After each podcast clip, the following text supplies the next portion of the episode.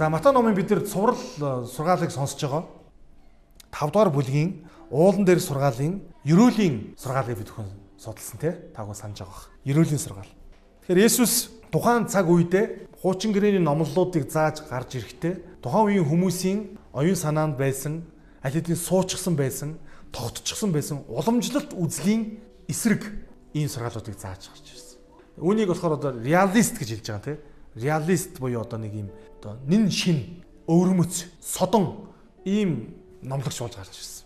Тийм ч учраас Матай номон дээр тэр зума 5 дугаар бүлгийг харах юм бол Иесус хид хідэн удаа яг нэг ийм хилцгийг ашигласан байдаг. Бүдэр хамтдаа эхнийх нь Матай номын 5-ын 21 дэх ишлэлийг харъя. Хүн алж болохгүй, хүний амийг хөнөөсөн хэн боловч шийтгүүлвэл зохино гэж эртний хүмүүст айдсныг та нар сонссон гэж хэлж байгаа. Энэ юу гэхээр Есүсийн хэлсэн энэ үг юунаас иш татж байгаа гэхээр судраас иш татж байна те. Юдын шашин тунгууд бурханд итгэдэг, Яхоо бурханд итгэдэг хүмүүсийн хувьд тэдний байнга сонссон эртний аман зохиол, бичгийн зохиол, раби нар, эртний библийн бичээч нарын заад сургаснаар та нар ийм сургаалыг сонсч өссөн гэж. Тэгээд Есүс үргэлжлүүлээд 22 дугаар ишлээс харин би та нарт хэлье гэж. За энэ хилц энэ үг бол маш их мэдлэлтэй үг шүү. Харин би та нарт хэлий. Есүс хэн болоод те удаан хугацаанд ингээд тогтцсон байсан сургаалыг Есүс энд өөрийг хэн болоод үүнийг өөрчилж эсвэл өөрөөр тайлбарлах ийм эрх мэдэлтэй нэгэн бай. Есүс юу гэж хэлсэн бэ? Ахтуудыг хилэгнэгч аливаа хүн шүүхийн өмнө буруутай. Ахтүгэ хоосон толгой гэж хэлсэн хэн боловч зөвлөлийн өмнө буруутай. Мунхаг гэж хэлсэн хэн боловч галтай тамд орохоор хангалттай буруутгагдах болно гэжсэн байна. За. Тэгэхээр энд нэг шүүх гэдэг үг, дараагийнх нь зөвлөл гэдэг үг, тэгээд дараагийнх нь там гэдэг ийм гурван үг гарч ирж байна. За энэ гурван үг юу гэж манайхаа? Энэ гурван ойлголт бол тухайн үеийн израилчуудын үнэн худлыг дэнслэх гурван шат байсан байгаа. Шатлал. Хамгийн ихнийх нь юу гэж байна? Шүүх. Энэ шүүх ажиллагааг ихэвчлэн хуучин гэрээний цаг үед энэ шүүх ажиллагааг ихэвчлэн хэн дэнсэлдэг байсан бэхээр шүүгчд дэнсэлдэг байсан. Та бүхэн хуучин гэрээг мэдж байгаа те. Йошогийн цаг үеэс эхлээд шүүгчдийн цаг үе гэж байсан те.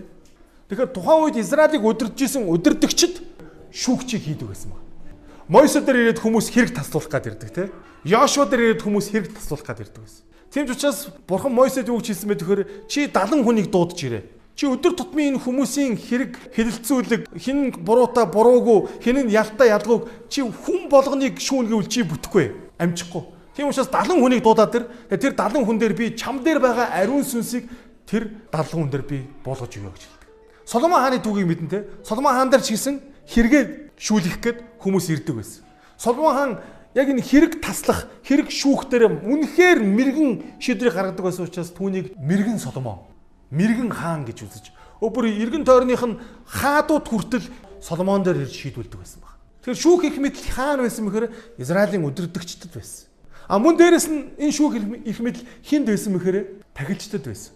Хүмүүс ихэвчлэн өвчтөй байх үед эдгэрсэн бол түүний хинд очиж үзүүлдэг байсан мэхээр тахилч нарт үзүүлдэг байсан. Тагч нар өвчтөй хүмүүсийг үзээд аа энэ хүний гоочдсон зогссон байна. Энэ хүний уйман өвчин цэвэрсэн байна. Энэ хүний цус цус алдгаа болсон байна. Тухайн хүнийг тахилж шүүгээд нэгтлээд онцлоод ингээд сүмд орж болох болохгүй дахил өргөж болох болохгүй шийдвэрийг тахилж гаргадаг байсан. За мөн өөр Библиэлд шүүх эрх мэдэл хинд байсан бэ? Хуучин гэрийг харахаар иш үзүүлэгч нарт те. Бурхны иш үзүүлэгч нарт шүүх эрх мэдэл байсан. Давид хаан гим нүгэл үлдээд завхаарсны дараа түүн дээр бурхны хүн ирдэг те иш үзүүлэгч ирдэг. Тэгээд Давид хаанд юу гэж хэлдэг вэ? Нэг сургаалт зүүрэл ярьдаг ш те. Өөрөө тарган сайхан хонтой мөртлөө хүний ганц хоныг нидлаад эцсэн чинь үнийг шудраг байдлуу шудраг зүйлүү гэж асуудаг. Давид хаан их ууралдаг те. Яахаараа өөрөө тарган сайхан хон малтай байжж ганцхан хонтой хүний хоныг яагаад зөвшөөрлөгөө авч ядалж идчихэж байгаа юм бэ? Тэгээ тэр үед яадаг вэхээр иш үзүүлэгч Давид хааныг тэр зохисгүй тэр шудраг бус хүн бол та юм аа та та хүний ихнэрт та шүлсээ гоожуулж та завхаарсан ингэж хэлдэг. Тэгэхээр хуучин гэрийг судлаад үзэхээр шүүх хэрэг мэдвэл гурван төрлийн хүмүүстэйсэн ба. Нэгдүгээрт хаадуудад буюу өдөртөгчдөд хоёрдугаар шүүх хэрэг мэдхийн дэсэн мэхээр тахилч нарт гуравдугаар шүүх хэрэг мэдэл иш үзүүлэгч нарт байсан. Яг Есүсийн цаг үед энэ шүүх хэрэг мэдэл арай өөр болсон. Мойсед дээр 70 хүнийг авчираад те 70 ахмадыг авчираад Бурхан тэр 70 хүнд мэрэгэн ухааныг өгж ариун сүнсийг буулгаж ирсэн. Яг тэр бүтцийн дагуу Израильд санхидрэний зөвлөл гэдэг зөвлөл байгуулагдсан байна. Энэ зөвлөл 71 хүний гишүүнтэй. Яг Мойсе тэр нэмэх нь 70 гэдгээр жишээ аваад 71 хүний гишүүнтэй. Тэгэхээр Есүс хэлсэн байна. Хүн алж болохгүй. Хүн алсан хүн яадаг хөр эдгээр энэ шүүхээр дамждаг байсан байна. Хүн алсан гим нүгэлтэй нөгөө Мойсегийн хуулийн дагуу 10 хуулийн 6 дахь хуулийг зөрчсөн. Тийм учраас шууд шүүхтэр дуудагдана. Ингээд шүүхийн хүнийг яллах ёстой гин буруутай гэж зүйл шууд зөвлөлд аваачна. Санхедрэний зөвлөл. Санхедрэний зөвлөлийн хүнийг за яллыг гэвэл чулуугаар шидий. Израильчуудын тухайн үеийн ялын дээд хэмжээ бол чулуу шидэх байсан. А Есүсийг яагаад цовдлсон бэ гэхээр Есүсийг санхедрэний зөвлөл буюу тухайн Юудын 71 хүний гишүүнтэй тэр зөвлөлөөс Есүс цаазын шийдвэрийг гаргаагүй. Израилийг захирч харин Ромын Пилат шийдвэр гаргасан учраас Ромын цэргүүд түүнийг цовдолж Ром гэдэг улсын хуулийн дагуу түүнийг загалмаа дээр хадах шийдвэр гаргасан байна. Гэтэл Есүс энэ ингэж хэлж байгаа. Зүгээр ахтуудыг хэлгэнэгч хүн шүүхэд дуудагдах буруутай гэсэн байна. За энэ хүнийг шүүхийн өмнө авчирлаа. Энэ хүн яасан бэ? Энэ надад цаа ууралсан Тэгээ хүмүүс гайхан те. Энэ Иесусийн сургаалыг сонссон уулан дээр сууж хүмүүс гайхсан. Юу яриад байгаа юм бэ те? Хүн мөн алж малж тэр шүүхий чинь өмнө очдөг юм шүү. Тэгсэн чинь Иесус үргэлжлүүлсэн. Ах トゥ угаа хоосон толгой гэж хэлсэн хэн боловч зөвлөлийн өмнө буруутай гэж. Зөвлөлийн өмнө буруутай гэдэг нь юу гэсэн үг вэ? Зөвлөлөөс буруутай гэдэг шийдвэр гарвал яах вэ? Чулуугаар шийдэн яг үнэ. Тэгсэн чинь мунхаг гэж хэлвэл яах нь вэ? Буруутан болж. А дээрэс нь мунхаг гэж хэлсэн хэн боловч галтаа тамд орохоор хангалттай буруутгагдах болно. Тэгээд Израильчуудын нөгөө итгэл үнэмшлийн дагуу тэдний хамгийн сүүлчийн эцсийн шүүлтийн процессыг тэд үхээр бурхан үүнийг хийдэг буюу тамд шатдаг гэж ингэж үтсэн баг. Иерусалим хотын хотоос гараад тэнд хог шатаадаг нэг юм цэг байсан баг. Цогцос шатаадаг цэг. Гал байнг шатаж байдаг тэнд хог шатаадаг учраас. Тэгээд түүгээр дүрсэлж шинэ гэрээний цаг үед яг энэ шатаж байгаа гал там гэдэг ийм ойлголт Израильчуудын толгойд буусан байна. Тэрнээс хинэн ч асж байгаа тамыг үзээгүй шүү дээ, тэ? Өгөж үзээгүй байгаа учраас. Тийм учраас там гэж төсөөлөхөөр л нөгөө Иерусалимийн гадаа шатааж идэг нөгөө байнга утаа гараад шатчихдаг тэр хогийн цэг тэр гал толгойд нь буудаг байсан. Яг тэр дунд ороод шатах ийм аимшигтай шийдвэр, тийм аимшигтай үр дүн надад ирнэ гэж тухайн хүмүүс бол болдог байсан байна. 27 дугаар шил дээр завхаарч болохгүй гэснийг та нар дуусан. За, Иесус дахиад хэлж байгаа биз? Та нар дуусан Харин би та нарт хэлье.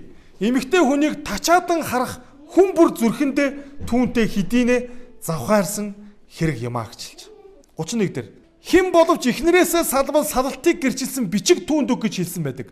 Харин би та нарт хэлье. Хэн боловч садар самуунаас өөр шалтгаанаар ихнэрээсээ салбал ихнэрээ завхааруулж буй хэрэг бөгөөд хэн боловч салсан эмэгтэйтэй гэрэлвэл завхаарч буй хэрэг мөн гэсэн. 33 дээр эртний хүмүүст хуурамчаар бүү тангаргал Харин эзэнд амлалснаа биелүүл гэж хэлснийг та нар мөн сонссон. Харин би та нарт хэлье. Юугаарч бүү тангаргал. Тэнгэрээрч болохгүй. Учир нь энэ Бурхны сэнти юм. Газраарч болохгүй. Учир нь энэ түүний хөлийн гიშгүүр юм. Иерусалимаарч болохгүй. Учир нь энэ бол Авгаа их хааны хот юм. Толгоогоорооч чи тангарлаж болохгүй. Учир нь чи ширхэг үсэгч цагаан юм уу хар болгож үл чадна. Харин үг чин заа заа эсвэл үгүй үгүй байг. Эдгээрээс цаашх нь муугаас гардаг хэрэг юм а. Нүдийг нүдээр, шүдийг шүдээр гэснийг та нар дуулсан. Харин би та нарт хэлье. Хар санаатай хүнийг бүү эсрэг үз. Харин хэн баруун хацрыг чинь алгадна түүнд нөгөө хацраа бас тавьж өг. Хэрв хэн нэг хүн чамтай заалдаж цамцыг чинь авахыг хүсвэл дээлээ бас түүнд өг. Хэрв хэн нэгэн хүн чамайг нэг бээр газар явахыг хүчилбэл түүнтэй хамт хоёр бээр яв. Чамаас гуйсан хүнд өг, чамаас зээлхийг хүссэн хүнээс бүү зайлсхий. Хөршөө хайрал дайснаа үзэн ядгаж хэлснийг та нар сонссон. Харин би та нарт хэлье. Дайснуудаа хайрал та нарыг хавчдаг хүмүүсийн төлөө залбир гэж хэлсэн байна. Амен. 6 дугаар бүлгийн уулан дээрх сургаалын нөгөө нэг ерөөлтөө, ерөөлтөө, ерөөлтөө гэж хэлсэн дараа Есүс сургаалаа яг юу руу шилжүүлсэн мэхээр та нар ингэж дуулсан. Харин би та нарт хэлье. Та нар та нарын мэддэг зүйл чинь угаасаа ийм. Би мэдчихэв. Гэхдээ би та нарт өнөөдөр хэлье. Есүс би та нарт хэлье гэдэг энэ хилцийг ашиглаж Бурхны үг сургаалыг шин сургаал биш харин шин тайлбарыг өгсөн байна. Зарим хүмүүс гэж боддог Есүс хуучин гэрээнээс шал өөр сургаалыг заасан. Тийм учраас хуучин гэрээ бидэнд хэрэггүй гэж зарим хүмүүс ойлгодог. Үгүй. Есүс хуучин гэрээг шинээр тайлбарлсан гэсэн. Тэрнээс цоо шин сургаал энэ огт байгаагүй. Шинээр тайлбарласан. За ингээд 6 дугаар бүлэг эхэлж байгаа. 6 дугаар бүлэг маань бүү санаа зов гэдэг бүлэг байгаа. Бүү санаа зов. Та яг одоо нэг 30 секундэд хамгийн их санаа зовж байгаа гурван зүйлээ бодооч. Хамгийн их санаа зовж байгаа гурван зүйл чи юу вэ? Би та нарт хугацаа өгөөд баг 30-ыг 300 ч бодох бах те. Матай номын 6 дугаар бүлгийн 25 дугаар шилдэр гэсэн байгаа. Ийм учраас би та нарт хэлье. Амийнхаа төлөө юу идэх билээ? Юу уух билээ гэж бүү санаа зов. Биеийнхээ төлөө юу өмсөх билээ гэж бүү санаа зов. Амин хоолноос биеийн хувцснаас илүү биш үү? Тэнгэрийн шуудыг хар. Тэд тариа тарьж хураачч сарвчанд хадгалдагч үгүй боловч Тэнгэрлэг эцэгтэн тэднийг тижээдэг юм. Та нар тэднээс үлэм жилүү үн цэнтэй биш үү гэж хэлсэн баг. Амен. Есүс өөрийнхөө хүүхдүүдийг яг юм өдөр тутмын хэрэгцээнд санаа зовхоос санаа зовнилтоос ангижруулахыг хүссэн байна. Хүмүүсээс судалгаа авсан байна л да. Хүмүүс юу ихэвчлэн юунд санаа зовоод байна гэсэн. Ихэвчлэн юунд санаа зовж байна гэсэн чинь ийм таван зүйл санаа зовд юм байна хүмүүс. Эхнийх нь хамгийн ихний хүмүүсийн санаа зовж байгаа зүйл юу гэхээр хувийн санхүү гинэ. Нэг номерт байсан. Хүн хамгийн их санаа зовдөг. Энэ өдөр тутамдаа санаа зовдөг. Ерөөсөө байхгүй золонгоо өөрөө мэдрээд явж идэг. За нэг ийм юм авчмаар ахын даанч байхгүй. За нэг ийм нэг юмтай болчих юмсан даанч байхгүй. Өөртөө ямар нэг юм юмыг олж авах гээд байгаа. Англиар gain гэж хэлж байгаа. Ямар нэгэн зүйлийг олж авах гээд. Гэхдээ даанч тэрийг гүйцэтгүүлэх мөнгө нь байхгүй, боломж нь байхгүй, санхүү нь байхгүй. Тэгээ Facebook-ыг ухаад ахаар л юмтай бодмаар санагдаад байдаг те. Яаж яах нэг юм ингээд нэг зар ч юм уу, нэг юм ингээд ороо хүсчихээр Facebook амар ухаантай тий. Дараа нь ингээд гүйлж яхад яг тэрнтэй холбоотой дахиад өөр заруудыг ингээд надад ингээд харуулад байдаг. Би нэг гутал үзчихвэл нэг гутлын үнийг ороод ингээд зүгээр уцаараа дараад харчвал дараа нь ингээд фэйсбүүкээр дахиад оронгууд баахан энэ Улаанбаатарт байгаа Монголд байгаа гутлын бүх зарууд над руу харагдаад байдаг. Нэг гоё бүлөтөд чихвч үзчихнэ. Үнэн хэдийн бол гэж харчин. Дараа нь фэйсбүүк рүү ингээд ороод харна бүр төрөл бүрийн загвартай бүлөтөд Улаанбаатар заргаж байгаа бүх чихвчнүүдийн зар над руу орж ирээд байгаа юм. Тэгэл намайг ёо ийм чихвчтэй болох юмсан гэдэг тэр зовлонгоор минь тэгээ даач мөнгө нь байхгүй яавал энийг олж авах гэд би тэрийг олж авахын төлөө гейн хийхин төлөө ингээл яваад байгаа. Хоёр дахь хүмүүсийн санаа зовж байгаа хоёр дахь нийтдэг зүйл гэсэн чинь гэр бүлийн асуудал гинэ. Энэ дотор олон зүйл орно те.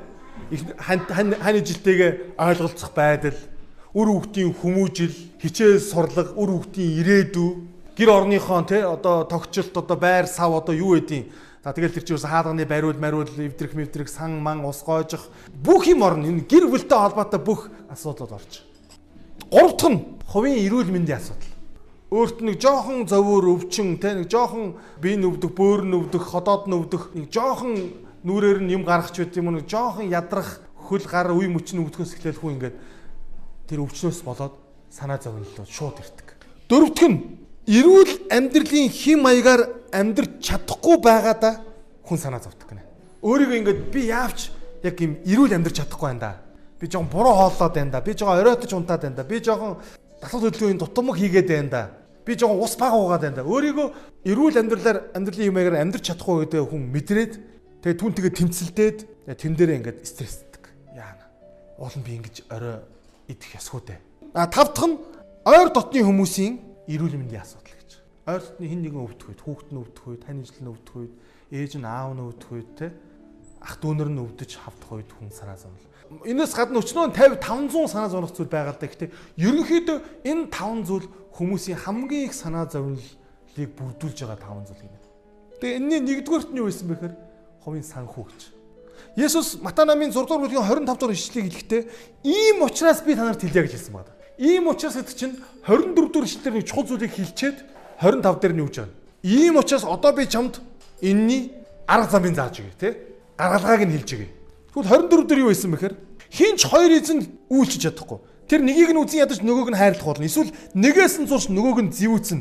Та нар бурханд болоод эд баялагт хоёуланд нь зэрэг үйлчилж чадахгүй гэсэн баг.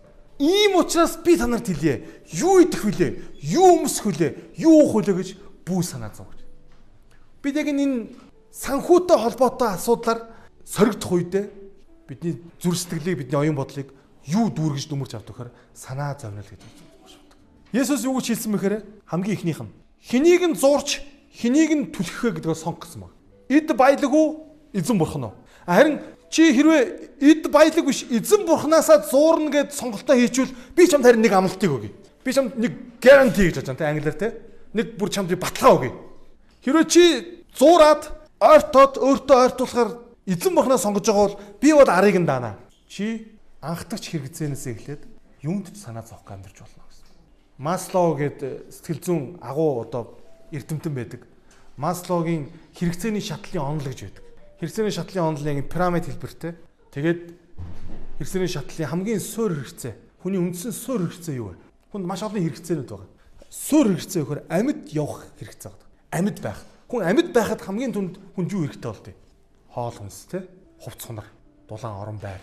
За тэ түүний дараа олон хэрэгцээнүүд байгаа. Хүлээмжшөрөх хэрэгцээ, хайрлуулах хэрэгцээ олон хэрэгцээ. Гэтэ хүнд явж уж хамгийн суур яг анхдагч хэрэгцээ юу гэхээр амьд байх.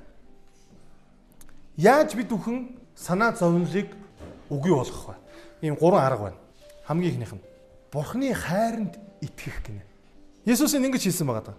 Амин хоолноос би нь хувцснаас илүү биш үү гэсэн. Тэгвэл бид нарт ийм асуулт гарч иж байгаа. Бурхан үнэхээр танд хайртай бол Бурхан үнэхээр таныг хайрлдсан бол таны энэ бие махбод, таны энэ ам, таны энэ бие махбодод хэрэгцээтэй бүх зүйлсийг Бурхан өгөхгүй гэж юу? Би саяхан нэг 2 3 7 хоногийн өмнө ардуур оролд алхаа авчихсан чинь нэг игч туслах замын хажуутлын голын ийм шороотой хэсгээр ингээд зогсож ирсэн нөө. Гэлар устнаас ингээд будааццаад. Тэгсэн чинь ардаар хороолын тэр ингээ 9 давхруудын дээвэр дээрээс хөө баахан шуунууд тагтаанаар ингээл бүгдээрээ бууж ирж. Тэгээд би ингээд уул нь нэг газар руу явж банк руу явж исэн л та. Тэгээд би зогсоод аюу дажгүй дулаахан өдрөөс болохоор би зогсоод тэр их чиг харсан байхгүй. Ягаад ч юм бэ. Тэгээд би бодсон та нэг ажил явдал мовдол болоод тэгээд нэг шуум муу хоолж ах шиг байна да гэд. Тэгээд хараа зогсчихсон чинь эхлээд нэг 10 гаруй тагтаа ирлээ. Тагтаа шуу ямар гоё ингэж те бууж ингээд нэг газардж байгаа юм байна. Газардж байгааг би харж байгаа байхгүй. Энэ шоу гэдэг амт ямар гоё юм бэ. Тэр хол дээрээс ингээд 9 давхраас шумбаал ирж байгаа мөртлөө ингээд буух төх газараа төхөөд ирэхээр ингээд талчаа хурдуурдан дивэл тэгээд яг ингээд гоё хөвөөл бууж байгаа байхгүй. Тэгээ би 1 минут 2 минут 3 минут анзаарлаа. Нилээ олон тагтаанаар ирлээ. Тэгээ ингээд харсан чинь хөө бүр сапорогийн тэндээс бүр 25-ын тэндээс те ингээд бүр ингээд 10 20-ороо ингээд энэ тахта нар чи хоорондоо wifi төхөөрөмжтэй юм уу аашаа юм. Тэгвэл хоорондоо ингээд ийм холбогддог ийм юута те арга барилтай мэдгүй явсан байн заяо. Яаж тэнд нэг эмхтэй ингээд будаа тараагаад байгааг тэр сапорогийн тэр 25-ын тахта нар мэдчих мэдхгүй. Сүргээрээ 10 20-ороо нисч ирж байгаа хөөх. Тэгэл эргэлдээл яг тэр будаа татчаа газар ингээл буугаал буугаал тэр олон ингээл яг л гандан шиг л юм болсон энэ. Амар олон тагтаа нар. Тэгээ би бодсон. Энэ тагтаа гэдэг энэ шуу гэдэг юм ямар гоё юм бэ? Тэгээл ингээд сайхан те юунд санаа зовхгүй нисээл. Та нар ингээд нэг юм гунигэлцсэн тагтаа магтаа харж ирсэн үү? Далаач боловчаа ингээд хомчихсан те. Ингээд юм лизингээ яаж төлөе дөө гэд яа банкны зээлээ яанда гэж бодоод ингээд бүр тухайн гашлахсан те. Тим тагтаа магтаа харсан ингээд лаалмаас өшгөлөөд годомжинд явж тагтаа харсан уу? Яанда би одоо маргаашаа яанда гэж бодоод хараа үзтээ те. Тэг бурхан бидний хэлсэн байхгүй юу? Хээрийн бор шуудыг хар гэсэн. Хар. Тэг би яг тэр өдөр ёо шуу харах тийм гоё юм уу? Ямар гоё юм бэ? Миний стресс ингээл санаа зовол ингээл арилгах шиг л болсон. Бурхан энэ шуудыг хангаж ивэж хоолдог шиг намайг хооллож хангаж ивэн гэж бурхан Библиэр амлчихсан шүү дээ. Би энэ шуу шиг яг үндэ ямар ч стрессгүй хэдий нисч чадахгүй ч гэсэн би яг амьдралд нисэж байгаа юм шиг сэтгэл хангалуун стрессгүй амьдрах боломж надад байгаа юм байна гэдэг бид нар өдөр олж харж ирсэн. Тэгээ би та нар зөвлөмөр та нар сайхан дулаараад ирэхээр гандаа ор сайхан тагтаа хооллороо. Шуунар ямар гоё нисэж байгааг ямар гоё те хөөрж байгааг бууж байгааг та нар анзаараарай. Тэгээ бурхны энэ амлалтыг уншаарай. Амен. Бурхны хайранд итгэх хэрэгтэй. Бурхан таныг үнэхээр их хайрлсан. Шуудаас илүү таныг хайрладаг. Бурхан таныг хідэн сая шуугаар солихгүй.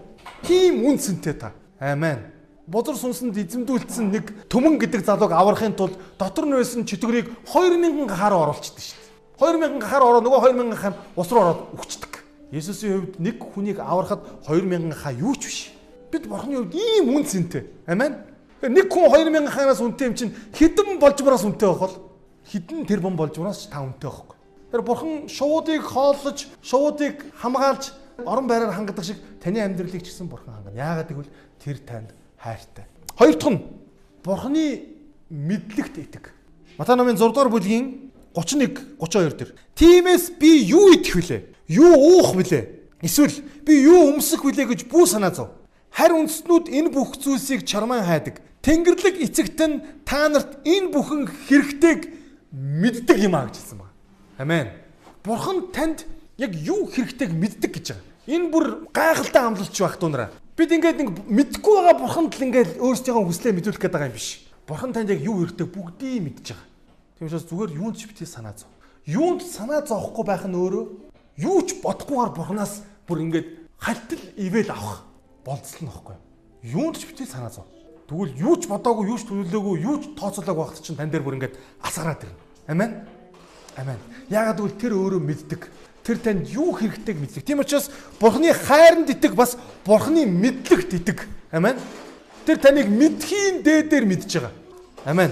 Дуудлал номын 139 дэх бүлэг өнөөдөр бүгдээрээ цуглаан эхлүүлэхэд уншсан. Дуудлал 139-ийн 1 дээр ингэсэн байгаа. Өө эзэн та намайг судлан намайг мэдсэн билээ. Миний сууж босхийг ч хүртэл та мэддэг юм. Та хаа холоос миний санаа бодлуудыг ойлгодог. Та миний явах зам мөр хийгээд хөвтгийм ч наривчлан үзэж миний бүх явдлыг дотн сайн мэддэг. Намайг ганц үг өгүүлэхээс ч өмнө харахтун та бүгдийг мэддэг. Амен.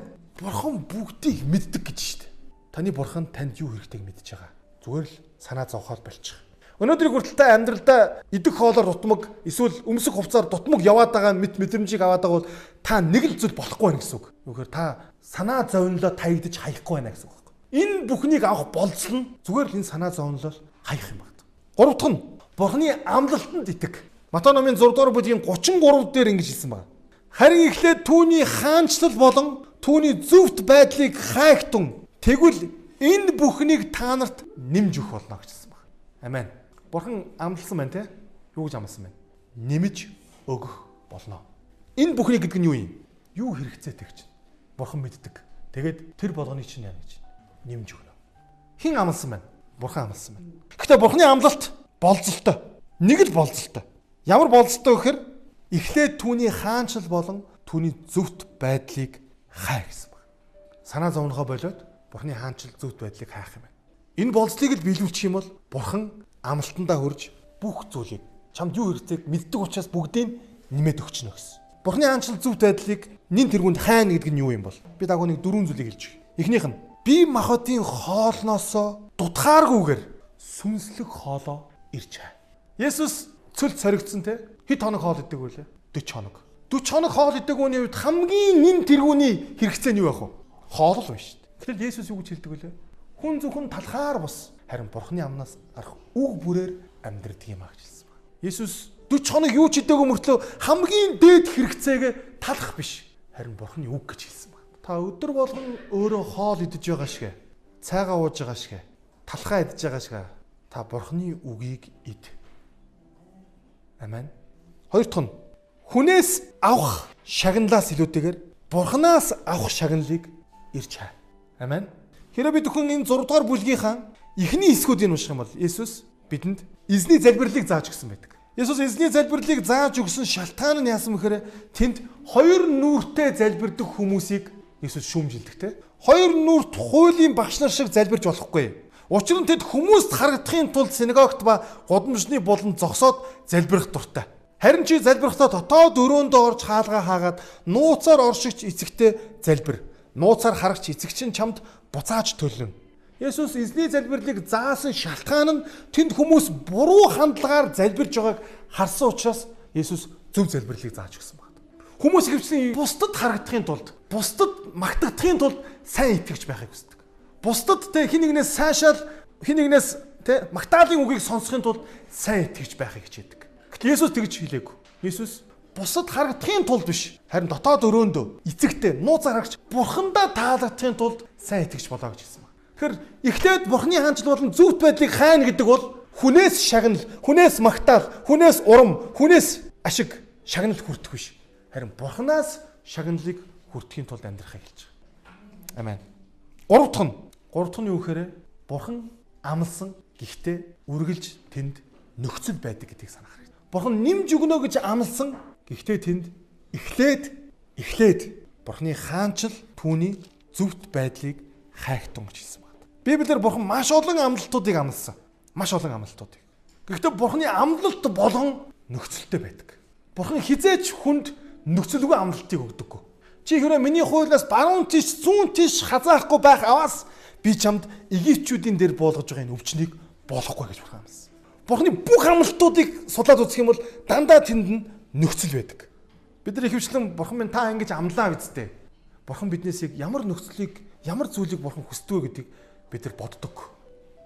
Дөрөвдөх нь энэ дэлхий дээр эд баялаг хураахаас илүүтэйгээр тэнгэрт эд баялаг хураахыг эрхэмлэх хэрэгтэй.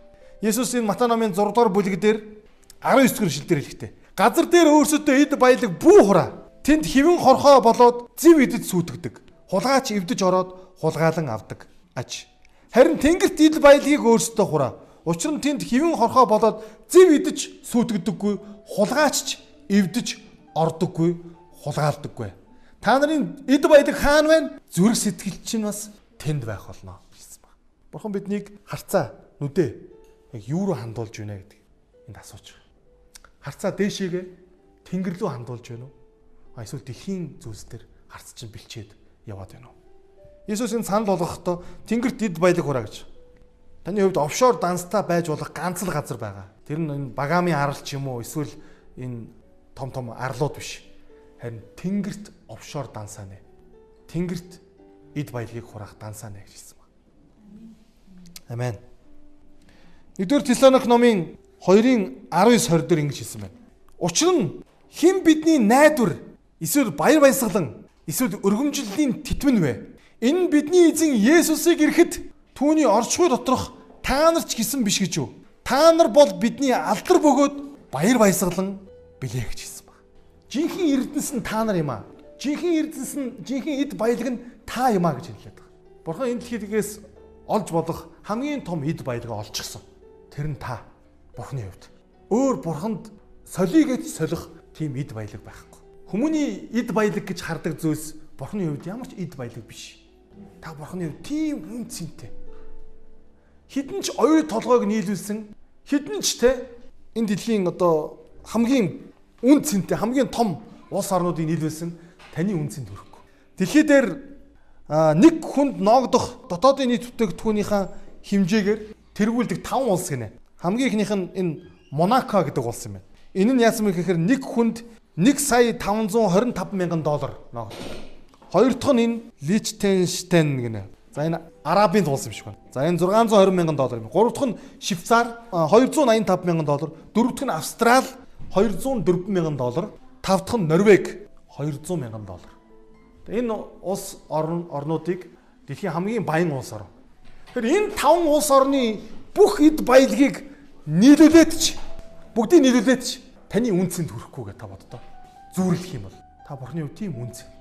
Тийм учраас Тесалоник номдэр Илч Паул хэлэхдээ юу гэж хэлсэн бэ? Бидний жинхэнэ найдвар, жинхэнэ баяр баясгалан, жинхэнэ өргөмжлөлийн титэм, жинхэнэ алдар бол жинхэнэ баяр баясгалан бол та нар юм а гэж хэлээд байгаа. Та нар юм. Амен. Матай номын 6 дугаар бүлэг дээр Есүс бидэнд юуг ойлгуулахыг хүссэн мэхээр юунд ч битгий санаа зовоо хүмүүн охин минь. Яагаад гэвэл чи бол миний хувьд тийм үн цэнтэй. Чи бол миний хувьд баяр баясгалан газар дэлхийд ирэх. Чи бол миний хувьд үнэхээр гайхалтай тэр жинхэнэ өргөмжлийн тэтэм, жинхэнэ алдар нь чи. Яагаад бидний үн цэн тийм үн цэнтэйгээр үнэлэгдэж байгаа гэж. Яагаад бидний үн цэн тийм үн цэнтэйгээр үнэлэгдэж байгаа гэхээр Яг бол бидний ам Бурхны хүүгийн амьтаа тэнцэх учраас. Яг бол биднийг аварсан ам нь Есүсийн амьтаа тэнцэх учраас. Бидний үнцэн тийм агуу өссөн. Тийм учраас эзэн хэлсэн ба. Би ийм үн цэнээр аварсан. Ийм их золиосоор те аварсан өөрийн хайртай хүүхдээ хөвгүүд өгтүүдээ идэх хоол өмс хувцаар хангахгүй гэж юу. Ам чин чухал юм уу? Хоол чин чухал юм. Би чин чухал юм уу? Хувцс чин чухал юм. Бурхан таны амийн төлөө ямар их золиосыг алидийн өргөцсөн бэлээ. Бурхан таныг аврахын тулд таны дивааланд аваачихын тулд таны танд мөнх амийг өгөхийн тулд бурхан ямар их золиосыг өөрөө гаргасан бэлээ. Бурхан тэр их золиосыг өөрөөсөө гаргачихсан нэгэн таны энэ биед хэрэгцээтэй хоол хүнсийг хувцсыг өгөхгүй гэж. Тийм учраас бүү санаа зов. Өөрсдийнх нь төлөө өчүүхэн золиос гаргаагүй тэр бор шуу тагтаа хүртэл хангалуун сайхан амьдарч яхад амиа хүртэл зориулчихсан хөвгүүд өгтүүдийн төлөө бурхан бүгдийг нэмж өгөхгүй гэж. Тийм учраас юунд ч бо санаа зов харин Тэнгэрийн хаанчлалыг хай.